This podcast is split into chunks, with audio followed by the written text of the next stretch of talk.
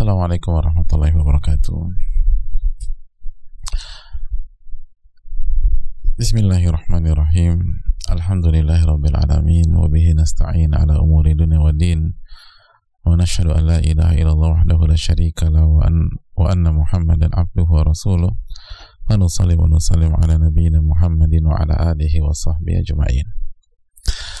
Uh, hadirin Allah muliakan marilah kita membuka majelis kita pada pagi hari ini dengan meminta pertolongan kepada Allah Subhanahu wa taala agar kita mendapatkan ilmu yang bermanfaat agar kita mendapatkan keberkahan dalam ilmu dan agar Allah Subhanahu wa taala bukan hanya memberikan kita taufik untuk belajar tapi Allah juga memberikan kita taufik untuk memahami dan mengamalkan sebagaimana kita bersyukur kepada Allah atas segala nikmat yang Allah berikan kepada kita khususnya nikmat ilmu dan nikmat iman. Nikmat yang akan memberikan kita kebahagiaan di dunia maupun di akhirat. Dan hadirin Allah muliakan kita juga bersaksi tidak ada ilah yang berhak diibadahi kecuali Allah Subhanahu wa taala. Dan Muhammad adalah utusan Allah Subhanahu wa taala dan kita pun bersalawat dan mengucapkan salam kepada junjungan kita Nabi kita Muhammadin sallallahu alaihi wasallam. Jemaah yang Allah muliakan, uh, alhamdulillah kita bersama kembali dengan Al Imam Yahya bin Sharaf bin Murri bin Hasan bin Husain bin Muhammad Abu Zakaria atau yang biasa dikenal dengan nama Al Imam An Nawawi rahimahullah kita kembali bersama salah satu kitab terbaik di dunia yaitu Riyadus Salihin. Dan kita masih bersama bab yakin dan tawakal. Bab keyakinan dan tawakal. Dan kita telah menjelaskan bagaimana orang-orang beriman ketika menghadapi ujian dan musibah mereka mengucapkan hadza ma wa'adana Allah wa rasuluhu wa sadaqallahu wa rasuluhu ini adalah janji yang Allah janjikan ini adalah janji yang Allah dan Rasulnya janjikan. Dan ini adalah hal yang membuktikan Allah maha benar dan Rasulnya benar. Dan orang-orang beriman ketika menghadapi suasana atau kondisi sulit sekalipun mereka masih begitu yakin kepada Allah Subhanahu wa taala mereka mengatakan hasbunallah wa ni'mal wakil cukuplah Allah sebagai penolong kami dan Allah lah sebaik-baik al-wakil. Dan kita pun juga menjelaskan bahwa saat kita bertawakal kepada Allah Subhanahu wa taala kita bertawakal kepada Rabb yang selalu hidup dan tidak akan pernah mati. Al-Hayyul Ladzi la yamut yang maha hidup dan tidak pernah mati yang memiliki kehidupan yang sempurna. Sebuah uh, sifat yang sempurna untuk dimintai pertolongan dan dijadikan tumpuan berbeda dengan makhluk yang sangat lemah yang penuh dengan kekurangan yang kalaupun hidup hidupnya tidak sempurna dan ia akan meninggal dunia. Dan kita pun sudah menjelaskan bahwa ketawakalan adalah sebuah bukti yang tidak bisa dipisahkan dengan iman. Orang-orang beriman hanya bertawakal kepada Allah Subhanahu wa taala. Falyatawakkalul mu'minun. Hanya bertawakal kepada Allah. Kenapa demikian? Karena ketika kita yakin Allah Subhanahu wa taala maha sempurna kita imani itu maka konsekuensi logisnya adalah kita hanya bergantung kepadanya. Kecuali kalau kita ragukan maka kita akan second opinion. Kita akan cari pihak lain. Tapi kalau kita yakin Allahul kul huwallahu ahad Allah al-ahad Allah yang esa nggak ada yang serupa dengan Allah. Allahus samad yang tidak butuh sama siapa pun dan semua pihak butuh kepada Allah maka konsekuensinya kita hanya bergantung kepada Rabbul Alamin Lalu yang berikutnya jamaah sekalian, kita akan masuk ke ayat yang sangat familiar di tengah-tengah kita. Ayat yang uh, sering disampaikan oleh guru kita dan ustadz kita. Tapi sebelumnya uh, tadi terlewat uh, summary pertemuan yang lalu yaitu Ali Imran ayat 159 bahwa Allah Subhanahu wa taala mengajarkan kita faida azam fatawakal 'ala Allah. Apabila engkau sudah bertekad bulat, maka bertawakallah kepada Allah. Dan kita masih ingat bagaimana keterangan Al-Imam Al-Baghawi uh, musyawarah. Tapi begitu melangkah jangan bergantung dengan musyawarah kita. Hati kita jangan bergantung kepada makhluk. Jangan bergantung pada para pakar yang kita tanyakan. Hati kita bergantung kepada Allah Subhanahu wa taala. Karena musyawarah adalah akhdul asbab adalah ikhtiar. Begitu kita berikhtiar kita melakukan perintah Allah Subhanahu wa taala. Allah yang suruh kita bermusyawarah, kita musyawarah. Begitu sudah dapat kesimpulan, bismillah kita langkah atau kita melangkah, bismillah kita lakukan dan hati kita bertumpu pada Rabbul Alamin.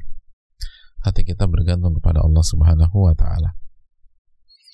Ini hal yang perlu kita uh, camkan bersama-sama jamaah yang Allah muliakan. Lalu kita akan masuk ke ayat yang tadi kita sampaikan. Surat At-Talaq ayat 3. Surat At-Talaq ayat 3. Wa man yatawakkal 'ala Allah fahuwa hasbuh. Innallaha balighu amri. Barang siapa yang bertawakal kepada Allah, maka Allah akan cukupkan. Uh, hadirin Allah muliakan. Uh, itu tengah-tengah dari ayat ketiga dari surat At-Talaq. Adapun dari awal Allah berfirman, "Wa yarzuqhu min haitsu la yahtasib." Awal ayat ini ada uh, sambungan dari akhir dari ayat kedua tentang ketakwaan dan kita sudah bahas di bab ketakwaan, "Wa man yattaqillaha yaj'al lahu makhraja wa yarzuqhu min haitsu la yahtasib." Para siapa yang bertakwa, Allah akan kasih solusi. Dan Allah berikan rezeki dari arah yang tidak ia duga-duga. Lalu dari bab ketakwaan Allah berpindah ke bab tawakal. Waman yatawakkal 'ala Allahi fahuwa hasbuh. Barang siapa yang bertawakal kepada Allah niscaya Allah akan cukupkan dia. Allah akan cukupkan keperluannya. Innallaha balighu amri sesungguhnya Allah melaksanakan urusan yang dikehendaki dan ditetapkannya.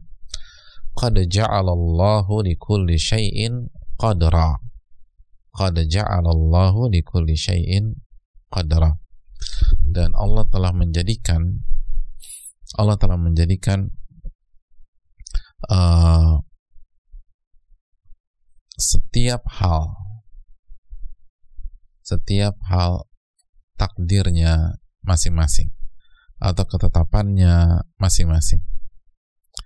Jadi hadirin Allah muliakan Allah mengatakan barang siapa yang bertawakal kepada Allah Subhanahu wa taala, maka Allah akan cukupkan. Allah akan cukupkan kebutuhannya, keperluannya Allah akan cukupkan. Dan Allah akan merealisasikan atau melaksanakan ketetapan dan urusannya Hadirin Allah muliakan.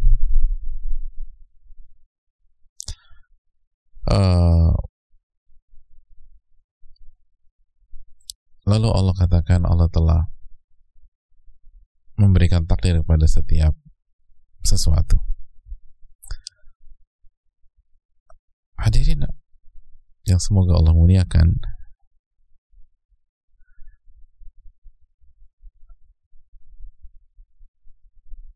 ayat ini.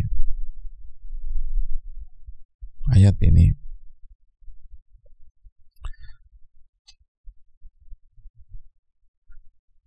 Dikatakan oleh para ulama. Seperti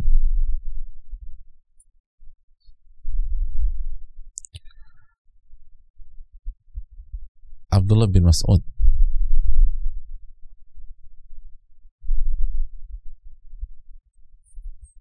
Bahwa inilah ayat di dalam Al-Quran.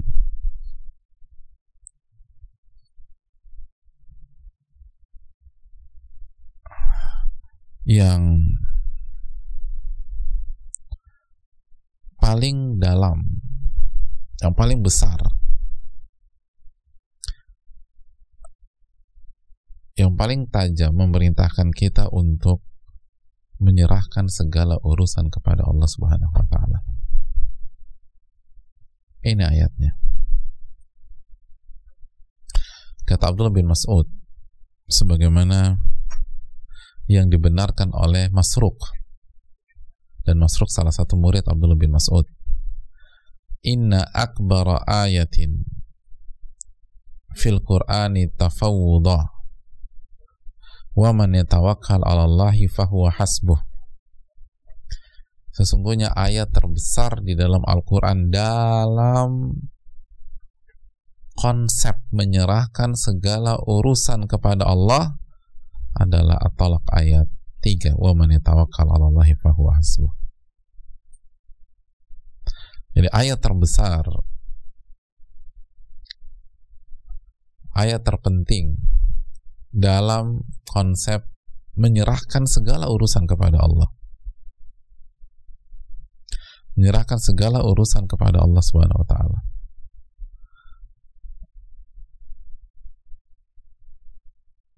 adalah ayat ini jemaah adalah ayat ini jika kita menyerahkan urusan kita kepada Allah Allah akan cukupkan Allah akan cukupkan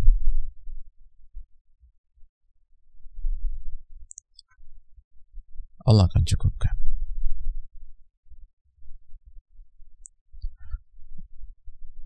Maka serahkan kepada Allah Subhanahu wa taala.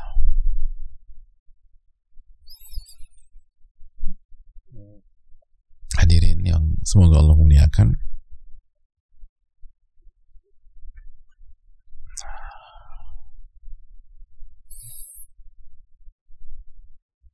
Lagi-lagi kita diajak untuk merenung dan mengimani hal ini.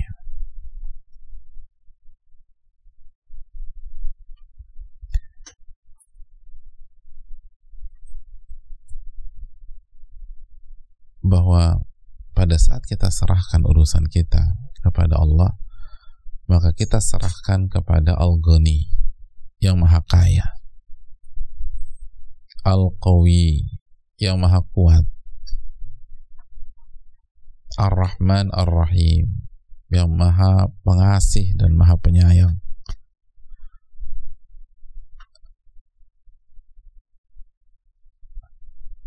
yang ala kulli syai'in qadir yang maha berkuasa atas segala sesuatu maka sebuah hal yang sangat wajar ia subhanahu wa ta'ala menjanjikan fahuwa hasbuh. Allah akan cukupkan keperluannya.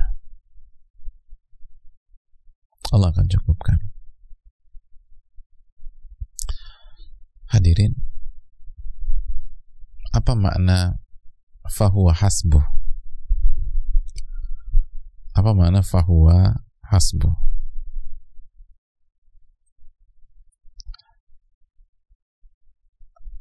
para ulama menjelaskan bahwa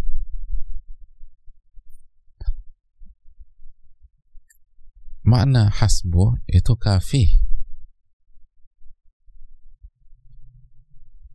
Allah akan cukupkan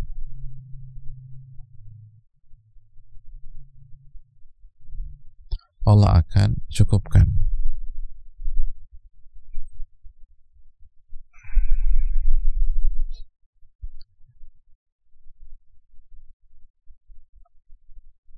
Uh, dan ini menarik. Para ulama mengatakan Allah akan kasih kita sesuatu yang membuat kita memenuhi kebutuhan kita alias cukup karena yang terpenting dalam hidup jamaah bukan banyak-banyakan. Bukan banyak-banyakan tapi cukup. Tapi cukup. Sebanyak apa pun kalau nggak cukup percuma.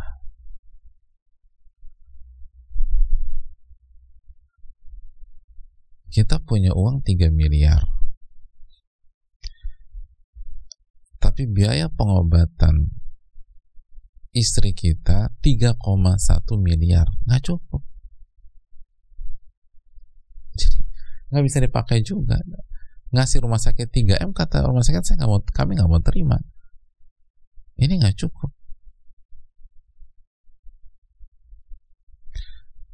Kita punya uang besar tapi untuk deposit ke rumah sakit sebelum tindakan nggak cukup, nggak diterima.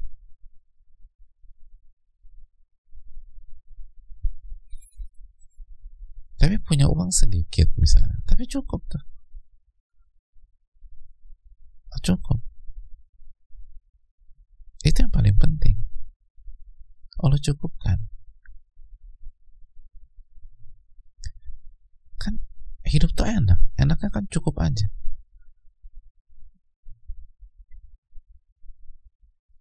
mau makan cukup gitu tahun ajaran baru anak harus sekolah cukup buat uang gedung cukup buat SPP harus pindah kontrakan cukup buat ngontrak di rumah baru. Bentuk kendaraan buat ngantar anak sekolah cukup beli motor atau cukup beli mobil. Mau liburan cukup buat sewa villa. Kan begitu jemaah. Hidup tuh paling enak cukup udah. Nggak usah besar-besar angkanya nanti cukup kalau cukup udah enak deh. Makanya cukup. Fahuwa hasbu kafi Allah akan cukupkan. Nah kita orientasinya kan sering kali bukan masalah cukup nggak cukup. Kita orientasinya banyak-banyak kan banyak nimbun nimbun duit. Ternyata juga nggak kepake juga. Nggak kepake. Dan juga sering kali nggak bisa untuk menyelesaikan masalah kita. Nggak bisa untuk menyelesaikan masalah kita.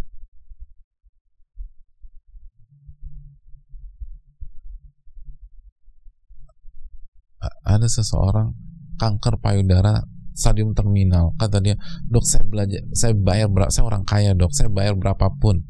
Dokter butuh berapa? 25 miliar 30 miliar Kata dokternya, ibu mau punya uang sebanyak apa pun tetap aja nggak cukup buat ini, bu. Ini saya angkat tangan, nggak cukup, nggak cukup. Enakan cukup. Fahuwa hasbu. Allah akan cukupkan dia. Dan bukan hanya uang aja. Anak kita nemnya udah tinggi zaman dulu mungkin ya levelnya nemnya tinggi. Tapi nggak cukup untuk masuk ke sekolah yang dia tuju nggak cukup. Nilai itu nggak cukup. Hadirin Allah muliakan. Saya tahu banyak orang kalau dari nilai dia nggak cukup masuk ke sebuah kampus favorit di dunia. Tapi Allah buat dia masuk dari jalur layar dan legal nggak haram. Cukup tuh. Karena perbuatan baiknya. Jadi perbuatan baiknya membuat dia cukup untuk masuk ke lembaga pendidikan tersebut atau di kampus tersebut. Dan nggak nyogok nggak segala macam enggak intinya tuh cukup. Cukup bisa buat sekolah cukup bisa buat belajar. Cukup. Itu ada banyak orang. Pintar enggak deh enggak pintar kayak juga enggak. Tapi kejujurannya cukup untuk membuat sahabatnya minta dia bergabung untuk jadi asisten pribadi sahabatnya dari ketika SMA kenapa? Kejujuran ketulusan tawakal kepada Allah Subhanahu wa taala. Ditelepon sama sahabatnya. Gue mau lo gabung sama gue aku nggak punya skill. Enggak lo ikut gue aja. Gue nggak punya keahlian. Nggak masalah. Lo bisa kan ngikut orang? Ya bisa sih. Gimana caranya? Ya udah kalau gue ke kanan gue lo ke kanan. Gue ke kiri lo ke kiri. Gue ketemu orang lo duduk depan gue oh tapi gue nggak mau yang haram-haram. Nggak usah kita kita pesan es, es teh manis aja. Yang penting gue mau lo ada samping gue bisa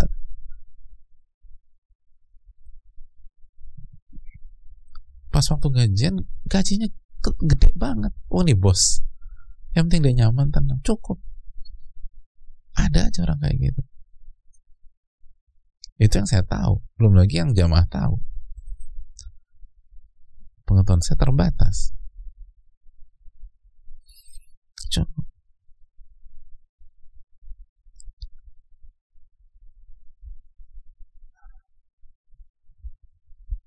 Jadi hadirin Allah muliakan. Ada aja jalan. Yang penting kan cukup. Kok perlu yang luar luar biasa segala macam? Enggak. Cukup.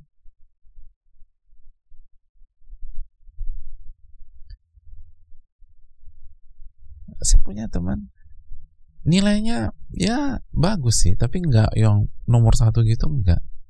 Tapi kebaikannya selama kuliah itu cukup membuat salah satu dosen memperjuangkan dia untuk S2 dan keterima S2 subhanallah. Cukup gitu. Dan dia nggak pernah minta-minta sama makhluk. Yang penting dia tawakal sama Allah raja jaga ibadah berjuang semaksimal mungkin. Tapi kemampuannya bukan yang terbaik. Tapi salah satu dosen senang sama beliau. Masya Allah. Mana berkas anda? Ini. Saya akan perjuangkan anda untuk S2 eh keterima S2 di salah satu kampus terbaik di dunia.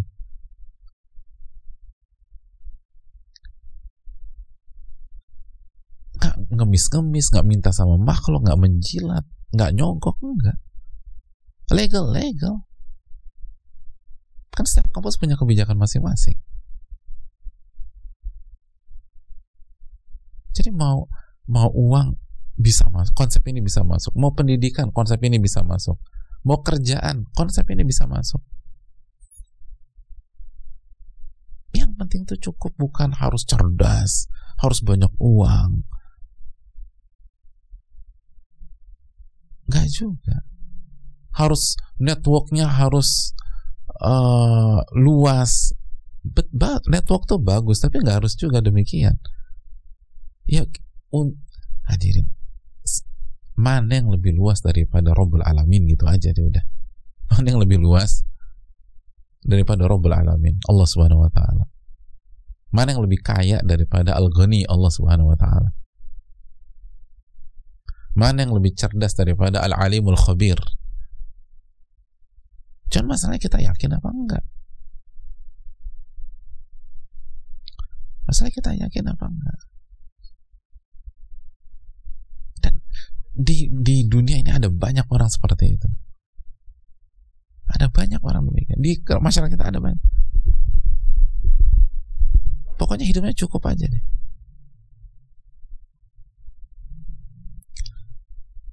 Ada aja. Pertolongan Allah tuh ada aja. Subhanallah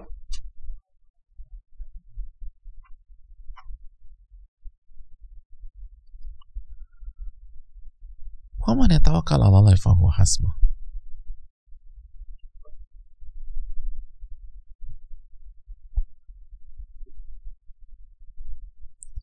Kan begitu jemaah. Allah akan cukupkan kalau kita serahkan semua kepada Allah. Kalau kita serahkan semua kepada Allah Subhanahu wa taala.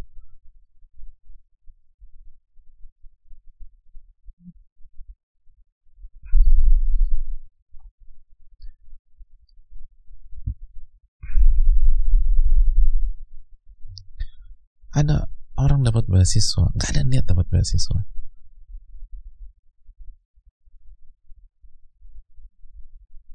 Tapi orangnya gitu. Kalau kalau kita tahu kesehariannya benar nih ini orang tuh berusaha bertawakal kepada Allah.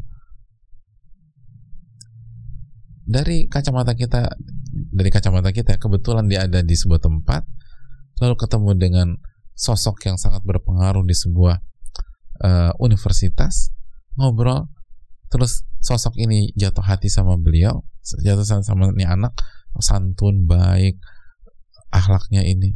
Ya udah dikasih beasiswa. Pinter? Enggak. Punya qualified? Enggak punya.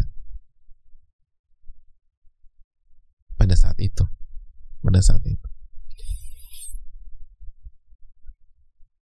Fahuwa hasbuh. Fahuwa hasbuh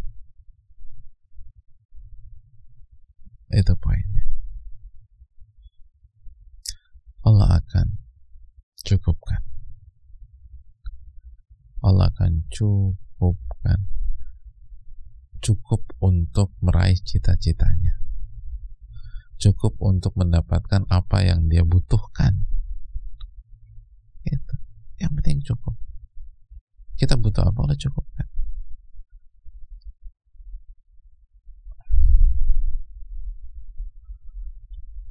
nah hadirin Allah muliakan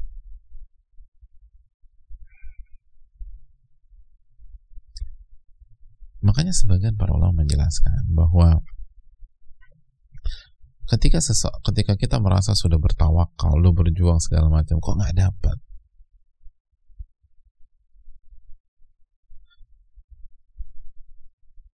Jangan segera buat kesimpulan.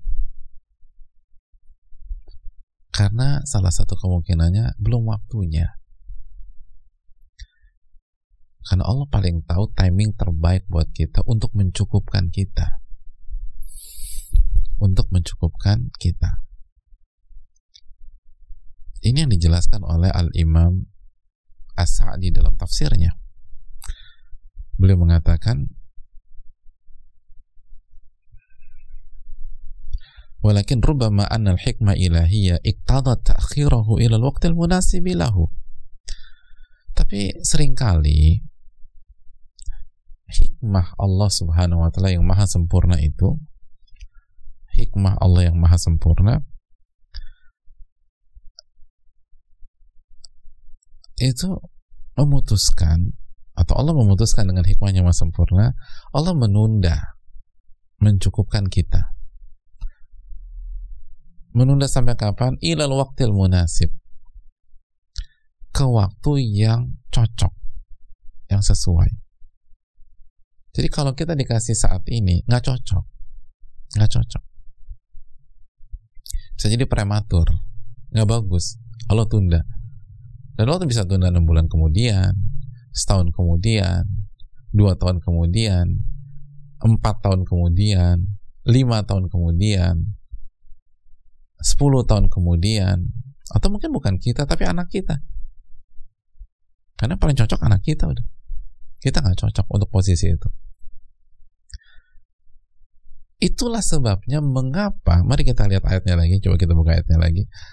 Setelah Allah mengatakan fahuwa hasbuh Allah lanjutkan dengan firman-Nya innallaha baligu amrih sekali barang barang siapa yang bertawakal kepada Allah Allah akan cukupkan dia. Terus apa kalimat berikutnya? Innallaha baligu amri. Sesungguhnya Allah melaksanakan ketetapannya. Sesungguhnya Allah merealisasikan keputusannya. Artinya ketika Allah sudah putuskan di kalimat sebelumnya bahwa barang siapa yang bertawakal kepada Allah pasti Allah akan cukupkan urusannya, kebutuhannya. Ini kan ketetapan Allah. Ini sudah konsepnya Allah, ketetapannya Allah, kebijak kebijakan Allah. Barang siapa yang bertawakal, Allah akan cukupkan. Ini kebijakan Allah. Ini ketetapan Allah. Lalu berikutnya, Inna Allah amri. Allah pasti akan merealisasikan dan melaksanakan ketetapan dan kebijakannya tersebut. Kata para ulama tafsir, ini sebuah pesan la budda min nufudhi qada'ihi wa qadrihi. ini menunjuk ini memberikan pesan bahwa ketetapannya pasti akan terlaksana pasti akan terrealisasikan pasti akan terwujud tapi mungkin bukan saat ini gitu loh. Tapi bukan sekarang. Tapi pasti akan terwujud. Kalau nggak hari ini besok lusa bulan depan tahun yang akan datang lima tahun yang akan datang kan kan karena Allah nggak mengatakan waman yatawakkal Allah fahuwa hasbuhul al'an nggak ada.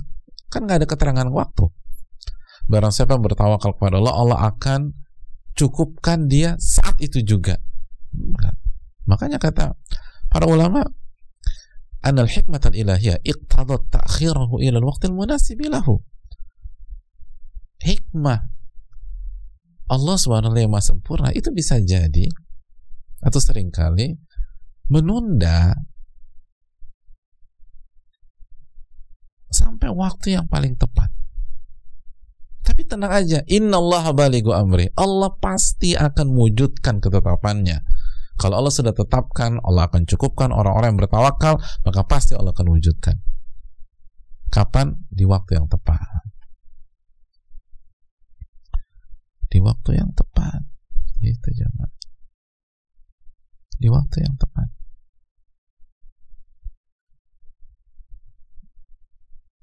nggak ada keterangan waktu dalam ayat ini kecuali kalau ada keterangan waktu. Qabla thalathata qabla thalathati ayam atau maaf kalau ba'da thalathati ayam Allah akan wujudkan tiga hari lagi bisa begitu. Atau ba'dal usbu' seminggu lagi. Boleh kita tunggu tapi ini kan nggak ada. Nggak ada keterangan waktu. Tapi bukan berarti di PHP Allah akan kasih di waktu yang tepat jadi yang bikin kita stres kitanya gagal paham atau kita yang kurang paham mana nih katanya dicukupkan lu tenang dulu mas Emang Allah bilang hari ini? Enggak kan? Berarti Allah nggak bohong. Allah yang lebih lebih tahu mana yang terbaik buat kita. Apakah hari ini? Apakah besok? Apakah lusa? Apa bulan minggu depan? Apa bulan depan? Apa dua tahun lagi?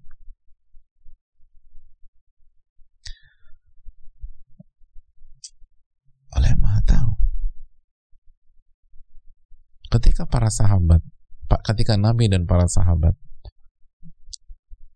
melakukan umroh dan pastinya mereka adalah orang-orang yang paling bertawakal kepada Allah ternyata dicegat di Hudaybiyah oleh orang-orang kafir Quraisy dan nggak boleh masuk dan nggak ada para sahabat yang komplain kan kita udah bertawakal ya Rasul kenapa kita gagal masuk Mekah katanya Allah akan cukupkan kita kita kan cuma umrah enggak tuh Singkat cerita, mereka pulang lagi ke Madinah dengan membawa perjanjian Hudaybiyah.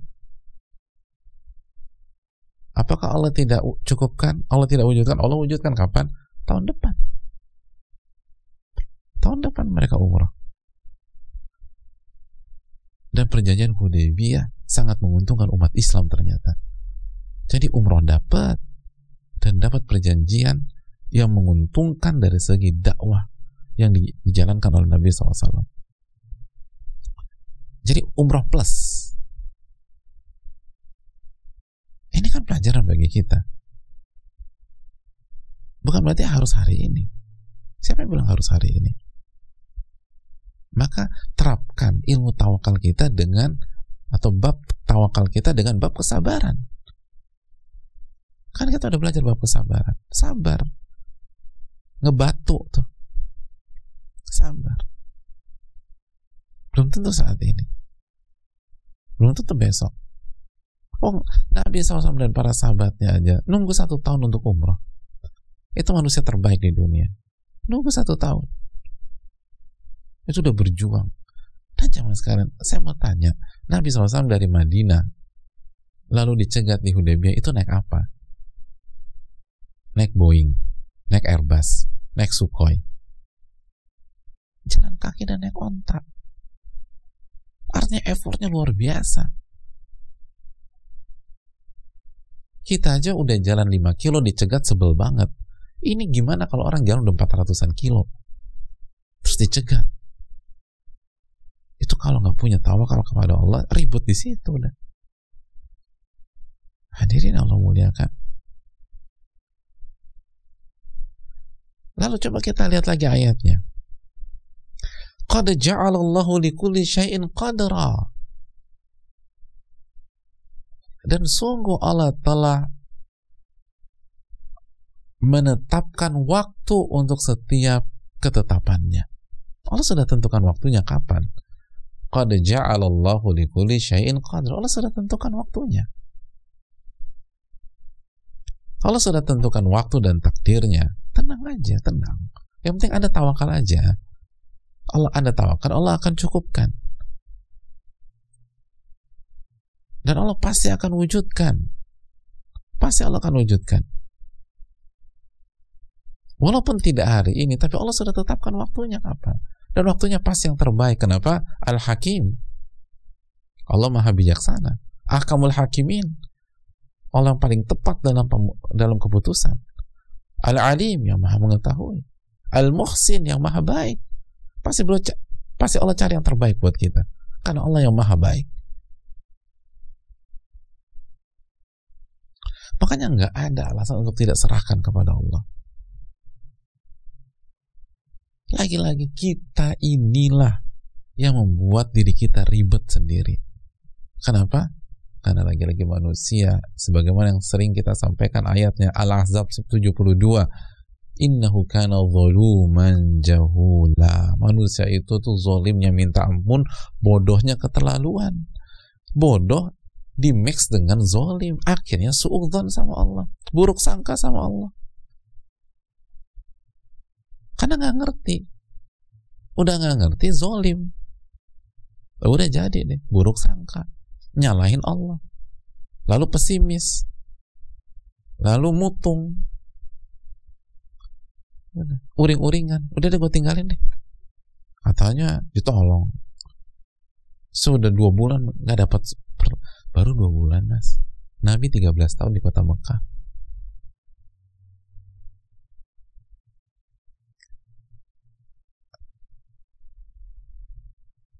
Hadirin Allah muliakan. Jadi lihat bagaimana kembali lagi ke ayatnya kita renungkan. Bagaimana sangat sistematis mulai dari waman yatawakal 'alallahi fahuwa hasbuh Lalu inna Allah balighu amri. Lalu qad ja'alallahu likulli syai'in qadra. Coba kita lihat di layar jamaah sekalian Allah muliakan. Barang siapa yang bertawakal kepada Allah, Allah akan cukupkan. Lalu Allah kasih pesan kedua, pasti Allah akan wujudkan. Balighu amri, pasti. Allah akan Allah nggak mungkin mengkhianati keputusannya sendiri. Pasti Allah akan wujudkan keputusannya. Tapi ingat, qadra. Setiap keputusan ada waktunya. Dan waktunya kembalikan kepada Allah. Kan kita serahkan sama Allah. Nama juga tawakal. Arti tawakal apa sih? Kan kita bergantung sama Allah, serahkan semua kepada Allah. Serahkan semua kepada Allah. Sampai waktunya kapan serahkan aja sama Allah.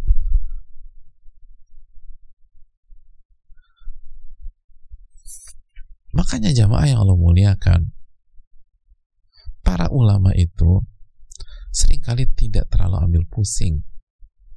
Apalagi mereka tuh tahu diri. Rahimallahu mara'an arafa qadra nafsi. Semoga Allah merahmati orang yang tahu diri. Mereka tahu bahwa effort mereka itu minim, banyak kekurangan. Tapi mereka tahu cara cara bersikap, cara bermain, mereka serahkan aja sama Allah. Nanti biar Allah yang kasih keberkahan. Makanya Muhammad bin Muhammad Al-Bahili pernah menyatakan, kata beliau, bida'ati qalilah. Bekalku tuh sedikit. Amalku tuh sedikit. Effortku tuh sedikit. usahaku itu sedikit. Ibadahku itu sedikit. Allah wallahu yaja wallahu yaj'alu fiha barakah. Dan Allah yang menjadikan yang sedikit itu berkah itu. Berkah. Ini konsep kita. Cari keberkahan. Serahkan sama Allah. Allah kasih keberkahan Allah kasih keberkahan. Asal kita serahkan sama Allah. Jadi kita ngatur kita ini makhluk lemah. Jangan jangan bebankan diri kita nggak bisa. Kasih yang kasih yang maha sempurna nanti Allah yang ngatur semuanya. Allah kasih kebaikan banyak. Ini kaidah kita. Amal kita ini terbatas. Sikap kita ini terbatas effort kita ini terbatas. Ibadah kita tuh terbatas sedikit. Maka serahkan sama Allah biar Allah yang buat itu jadi berkah jadi banyak kebaikan. Kalau kita ngurus semua ya satu tambah satu dua jamaah. Tapi kalau pakai keberkahan pakai keberkahan satu tambah satu bisa seratus bisa lima ratus bisa seribu. Dan Allah akan cukupkan semua Allah akan cukupkan yang jadi masalah kita lupa menyerahkan semua kepada Allah. Kita lupa bergantung sama Allah. Kita andalkan diri kita sendiri. Ya makanya segitu. Apa yang anda tanam itu yang anda dapatkan begitu. Tapi para ulama enggak. Mereka tahu diri. Saya ini ter, saya ini lemah. Manusia itu lemah. Wa khuliqal insanu dhaifan manusia diciptakan dalam kondisi lemah An-Nisa 28 itu nah kalau yang lemah ini ngerjain sesuatu yang nggak mungkin bagus ya udah tapi kita lakukan semaksimal mungkin serahkan sama Allah Allah yang atur semuanya Allah yang atur semuanya. Allah akan kasih semuanya. Allah akan cukupkan semuanya. Jadi cukup. Kalau kita nggak akan cukup deh. Kita nggak akan cukup. Kita nggak akan cukup. Tapi Allah fahuwa hasbuh. Terakhir timbul pertanyaan. Tapi kok saya kenal orang-orang yang nggak bertakwa, nggak bertawakal, bahkan kufur kepada Allah, urusannya dikasih juga sama Allah. Jamaah, pemungkasnya apa yang dikatakan Al Imam Masruq, muridnya Abdullah bin Abdullah bin Mas'ud. Bisa jadi orang yang tidak bertawakal Allah kasih. Orang yang nggak bertakwa Allah kasih. Orang yang kufur kepada Allah kasih sebagaimana kita lihat sendiri pada hari ini Tapi bedanya orang yang bertawakal. Orang yang bertawakal. Bukan hanya Allah berikan kecukupan, tapi Allah gugurkan segala khilaf dan dosa-dosa. Dan Allah berikan ganjaran pahala yang sangat besar. Jadi bukan hanya bukan hanya kebutuhan kita tercover oleh Allah, dicukupkan oleh Allah tapi ketika kita bertawakal itu dosa diampuni sama Allah dan pahala dilipat gandakan oleh Allah dilipat gandakan oleh Allah Subhanahu wa taala. Dan bukankah itu yang terpenting dalam kehidupan dunia? Bukankah itu yang terpenting di dalam kehidupan dunia? Yang terpenting dalam kehidupan dunia kan digugurkan dosa. Lalu dilipat gandakan pahala itu yang dikatakan Al-Imam Masruq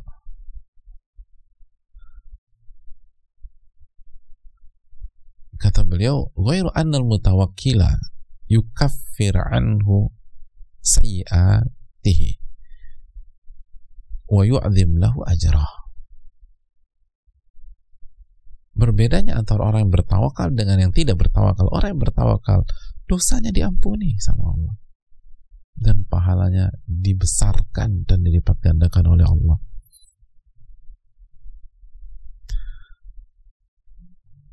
Kembali kita disadarkan bahwa inti dari ini semua kan bukan kebutuhan fisik dunia kita jamaah bukan kebutuhan fisik dunia kita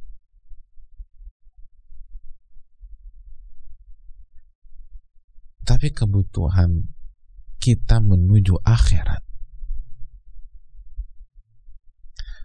kebutuhan kita untuk pulang ke kampung halaman kita di akhirat. Itu kan inti dari ini semua.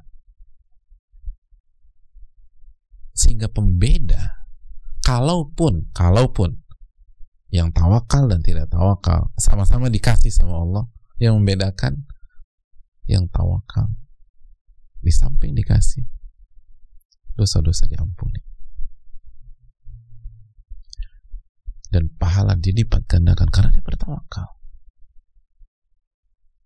Pahala dilipat gandakan. Dan itu inti dari perjalanan kita. Agar kita tidak kehabisan bahan bakar sebelum sampai ke surga.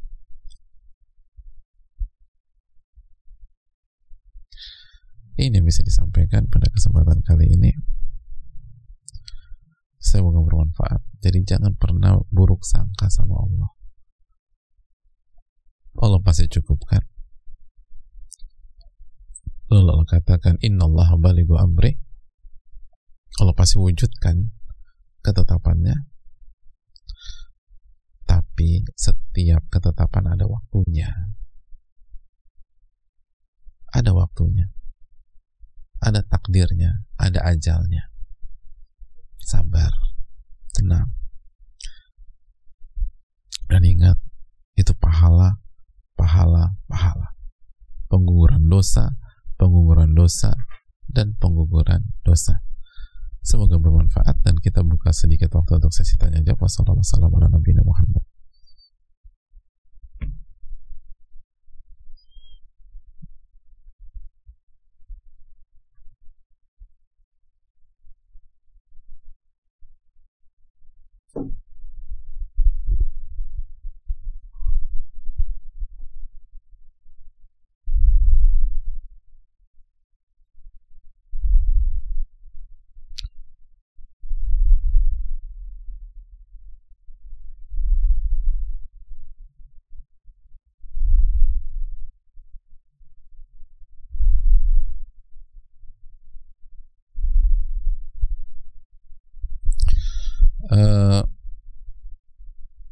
Assalamualaikum Waalaikumsalam. Bismillah. Ustaz saya mau tanya bagaimana kiat bisa lembut bisa lemah lembut sabar ikhlas tidak mudah marah. Yang mungkin selama ini rahmat Allah belum bisa hadir di diri ini. Barakallahu fikum. Fikum barakallah. Uh, hadirin Allah muliakan. Memang nggak mudah ya apalagi amal-amal disebutkan amal-amalan papan atas semua. Lemah lembut sabar ikhlas, gak mudah marah. Ah, yang pertama jelas tawakal lah kepada Allah. Ini poinnya, tawakal. Minta pertolongan sama Allah. Barang yang tawakal, Allah akan cukupkan. Minta pertolongan Allah, tawakal kepada Allah. Jadi sering kali itu kita berdoa ketika ada masalah dalam urusan dunia kita Sudahkah kita semangat berdoa ketika kita punya masalah dengan amalan ibadah kita? Jadi mintalah pertolongan. Terus yang kedua, istijabah jamaah. Kunci amalan hati itu istijabah. Surat Al-Anfal ayat 24. Ya ayyuhalladzina amanu stajibu lillahi wa rasul idza da'akum lima yuhyikum. Wahai orang-orang beriman, sambutlah seruan Allah dan Rasulnya jika Rasul mengajak kalian kepada agama yang akan menghidupkan kalian wa'lamu anna Allah yahulu bainal mar'i wa qalbi.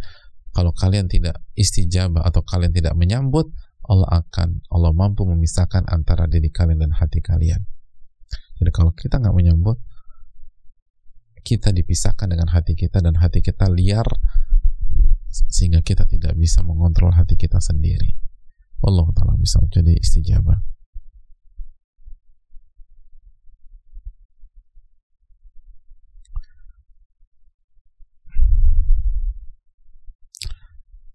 uh, ada pertanyaan tentang materi kemarin. Assalamualaikum warahmatullahi wabarakatuh. Waalaikumsalam warahmatullahi wabarakatuh. Semoga Allah senantiasa limpahkan kesehatan, keberkahan, keselamatan untuk Ustadz dan all team serta seluruh umat Islam di mana pun berada. Amin ya rabbal alamin. Begitu juga dengan penanya. Izin bertanya Ustadz, jika kita berselisih dengan seseorang dan sesuai ayat hari kemarin ya, kita harus maafkan dia. Setelahnya apakah sikap kita harus tetap sama seperti sebelum dia bersalah? Misalnya ketika sebelumnya dekat, setelah bersalah dan berusaha memaafkan, tetap harus dekat. Jazakallah khairan barakallahu fikum.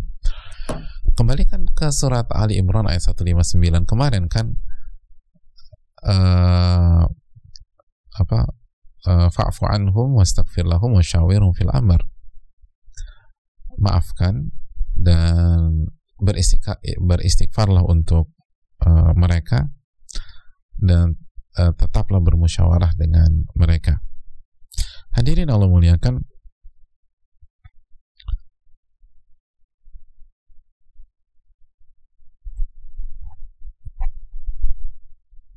Kalau kita udah berusaha memaafkan, dulu dulunya dekat, sekarang dekat lagi apa enggak? Hadirin dekat atau tidak itu dikembalikan kepada maslahat. Jangan dikembalikan kepada emosi dan baper. Kalau dia berubah, kalau dia bertobat, kalau dia menyesal, kalau dia berusaha memperbaiki diri, apa alasan kita tidak membuka hati untuk dia? Untuk kembali dekat, bahkan bisa jadi lebih dekat daripada sebelumnya. Lebih dekat daripada sebelumnya Bukankah Nabi SAW menerima taubatnya orang-orang yang dulu menyakiti beliau? Dan ketika beliau memaafkan dan uh, artinya taubat di sini memaafkan karena penerima taubat adalah Allah Subhanahu wa taala. Tapi maksudnya banyak orang yang mendolimi beliau dan salah satu syarat taubat adalah kan minta maaf, minta dihalalkan dan Nabi halalkan, maafkan. Dan hubungan bukan bukan bukan sedekat sebelumnya bahkan lebih dekat. Khalid bin Walid bukankah Nabi maafkan? Kesalahan fatal beliau di perang Uhud misalnya. Lalu setelah dimaafkan dan menjadi kaum muslimin hubungannya sangat dekat jadi dekat atau nggak dekat itu dilihat dari maslahat objektivitas bukan karena uh, sakit hati, baper atau subjektivitas. Allah taala misal. Dan semoga Allah menjaga objektivitas kita karena objektivitas itu sangat sulit kata Imam Malik. Uh, terus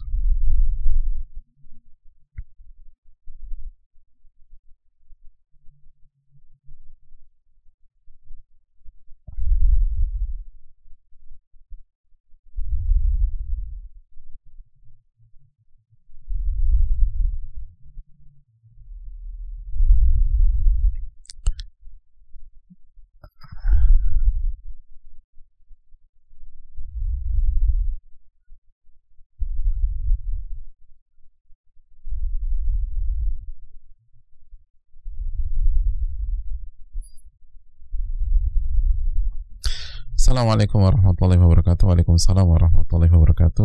Semoga Ustadz, keluarga, dan tim senantiasa dalam perlindungan Allah. Amin ya Alamin. Diberkahi dan dirahmati oleh Allah Dan juga seluruh kaum muslimin di mana pun berada. Amin ya Rabbal Alamin.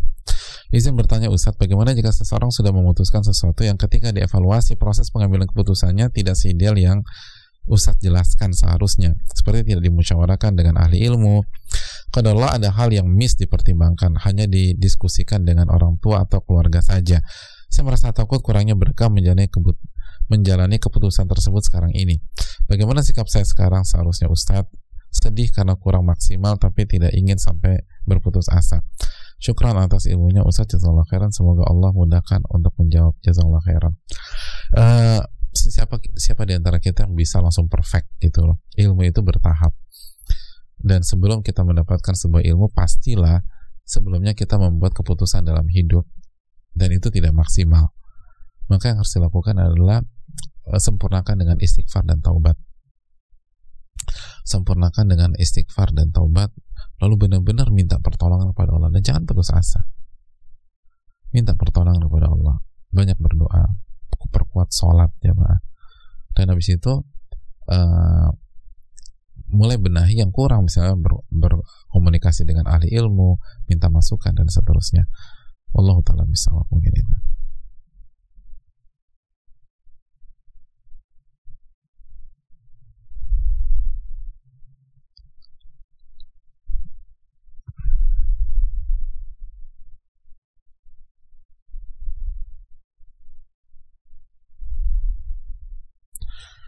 Assalamualaikum Waalaikumsalam. Semoga Ustadz dan keluarga selalu diberikan kesehatan. Amin. Ya Alamin. Begitu yang bertanya. Pertahanan takwa saya sudah jebol. Saya bermaksiat dan zalim. Karena kezaliman saya ini Sehingga sehari-hari saya banyak masalah. Bagaimana caranya bisa kembali memakai APD ketakwaan? Kalau sudah kondisi seperti ini Ustadz Saya hanya memikirkan Bagaimana caranya dapat uang buat balikin Orang-orang yang saya zolimi dan apakah doa dari pelaku kezoliman uh, tidak dikabulkan? Jadi apakah doa dari orang yang melakukan kezoliman tidak dikabulkan? Apakah saya harus tetap berdoa walaupun saya pelaku zolim yang doanya nggak terkabul? Jazakallah khair Ustaz mohon dibalas. Mohon dibalas Ustaz saya harus bagaimana? Jazakallah khairan. Uh, ketika pertahanan takwa kita jebol itu bukan kartu mati jamaah siapa yang nggak melakukan kesalahan? Semua kita termasuk yang berbicara. Semua kita melakukan kesalahan. Kulu bani adam khata wa khairul khata'ina tawabun setiap anak Adam banyak melakukan kesalahan. Dan yang terbanyak eh, yang terbaik dari mereka yang paling banyak bertobat jadi uh, separah apa pun kesalahan kita jangan pesimis. Pesimis itu dari syaitan. Sezolim apa pun kita di masa lalu jangan pesimis. Allah yang berfirman dalam surat Al-Baqarah ayat 268 Asyaitanu ya'idukumul faqra wa ya'murukum bil fahsya.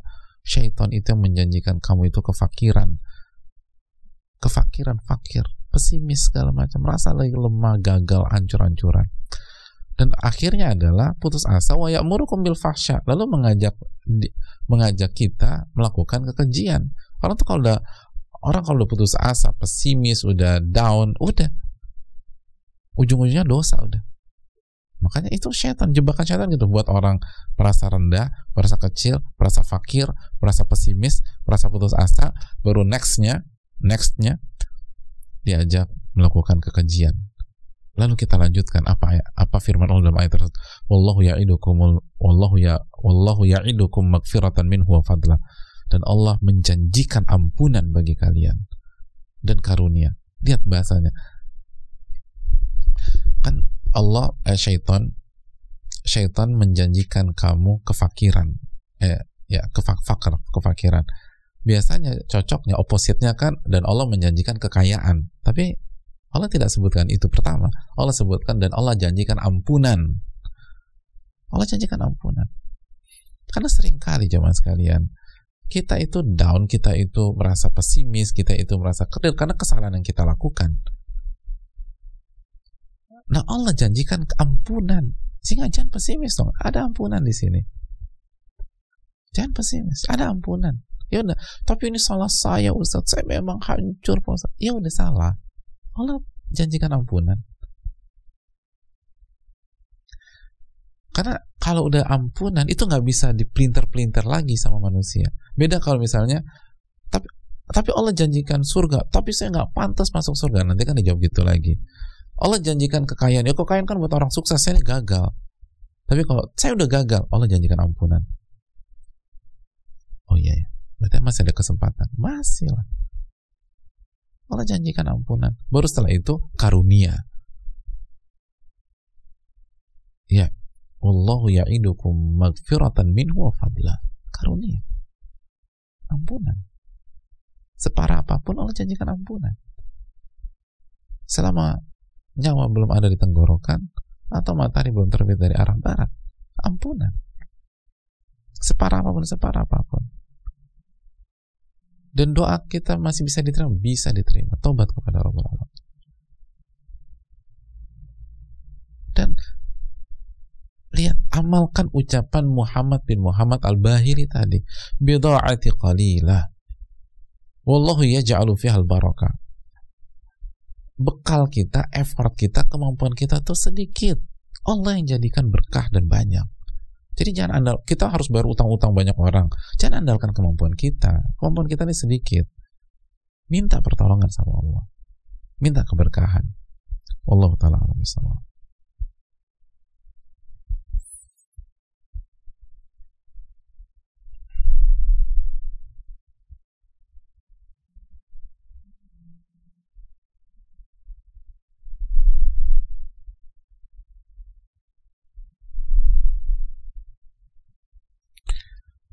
Assalamualaikum warahmatullahi wabarakatuh. Waalaikumsalam warahmatullahi wabarakatuh. Terkait dengan kemampuan kita dalam hal keyakinan akan pengabulan atas permohonan kita dengan tawakal.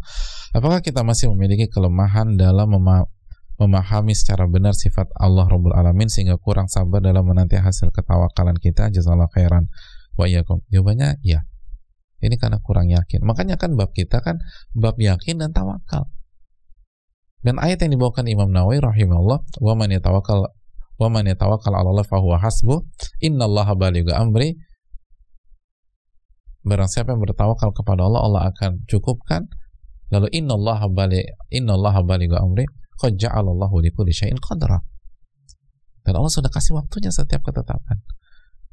Ini kan berarti tadi kita sudah jelaskan penjelasan tafsir sebagian para ulama seperti Al-Imam Sa'di bahwa Allah akan cukupkan tapi belum tentu detik itu bisa jadi uh, kita tunda dulu.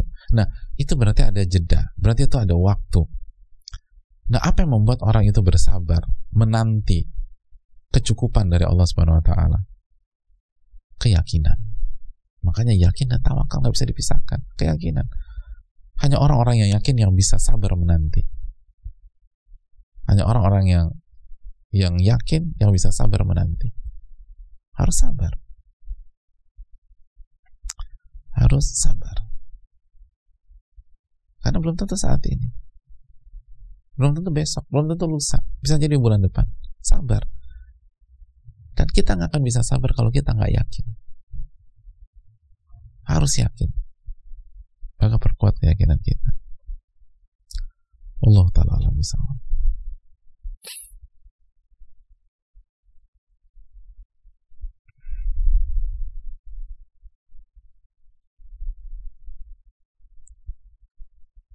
Ya, saya rasa cukup sampai di sini. Jazakallah khairan. Semoga Allah mengampuni segala khilaf dan kesalahan kita selama kajian. Dan apabila ada kekeliruan, buang saja apa yang saya katakan dan ikutilah sunnah Nabi SAW. Dan semoga Allah menerima amal ibadah kita, memberikan kita ilmu yang bermanfaat, dan menjauhkan kita dari ilmu yang tidak bermanfaat. Subhanakallah bihamdika asyhadu la ilaha anta astaghfiruka wa atubu ilaik. Assalamualaikum warahmatullahi wabarakatuh.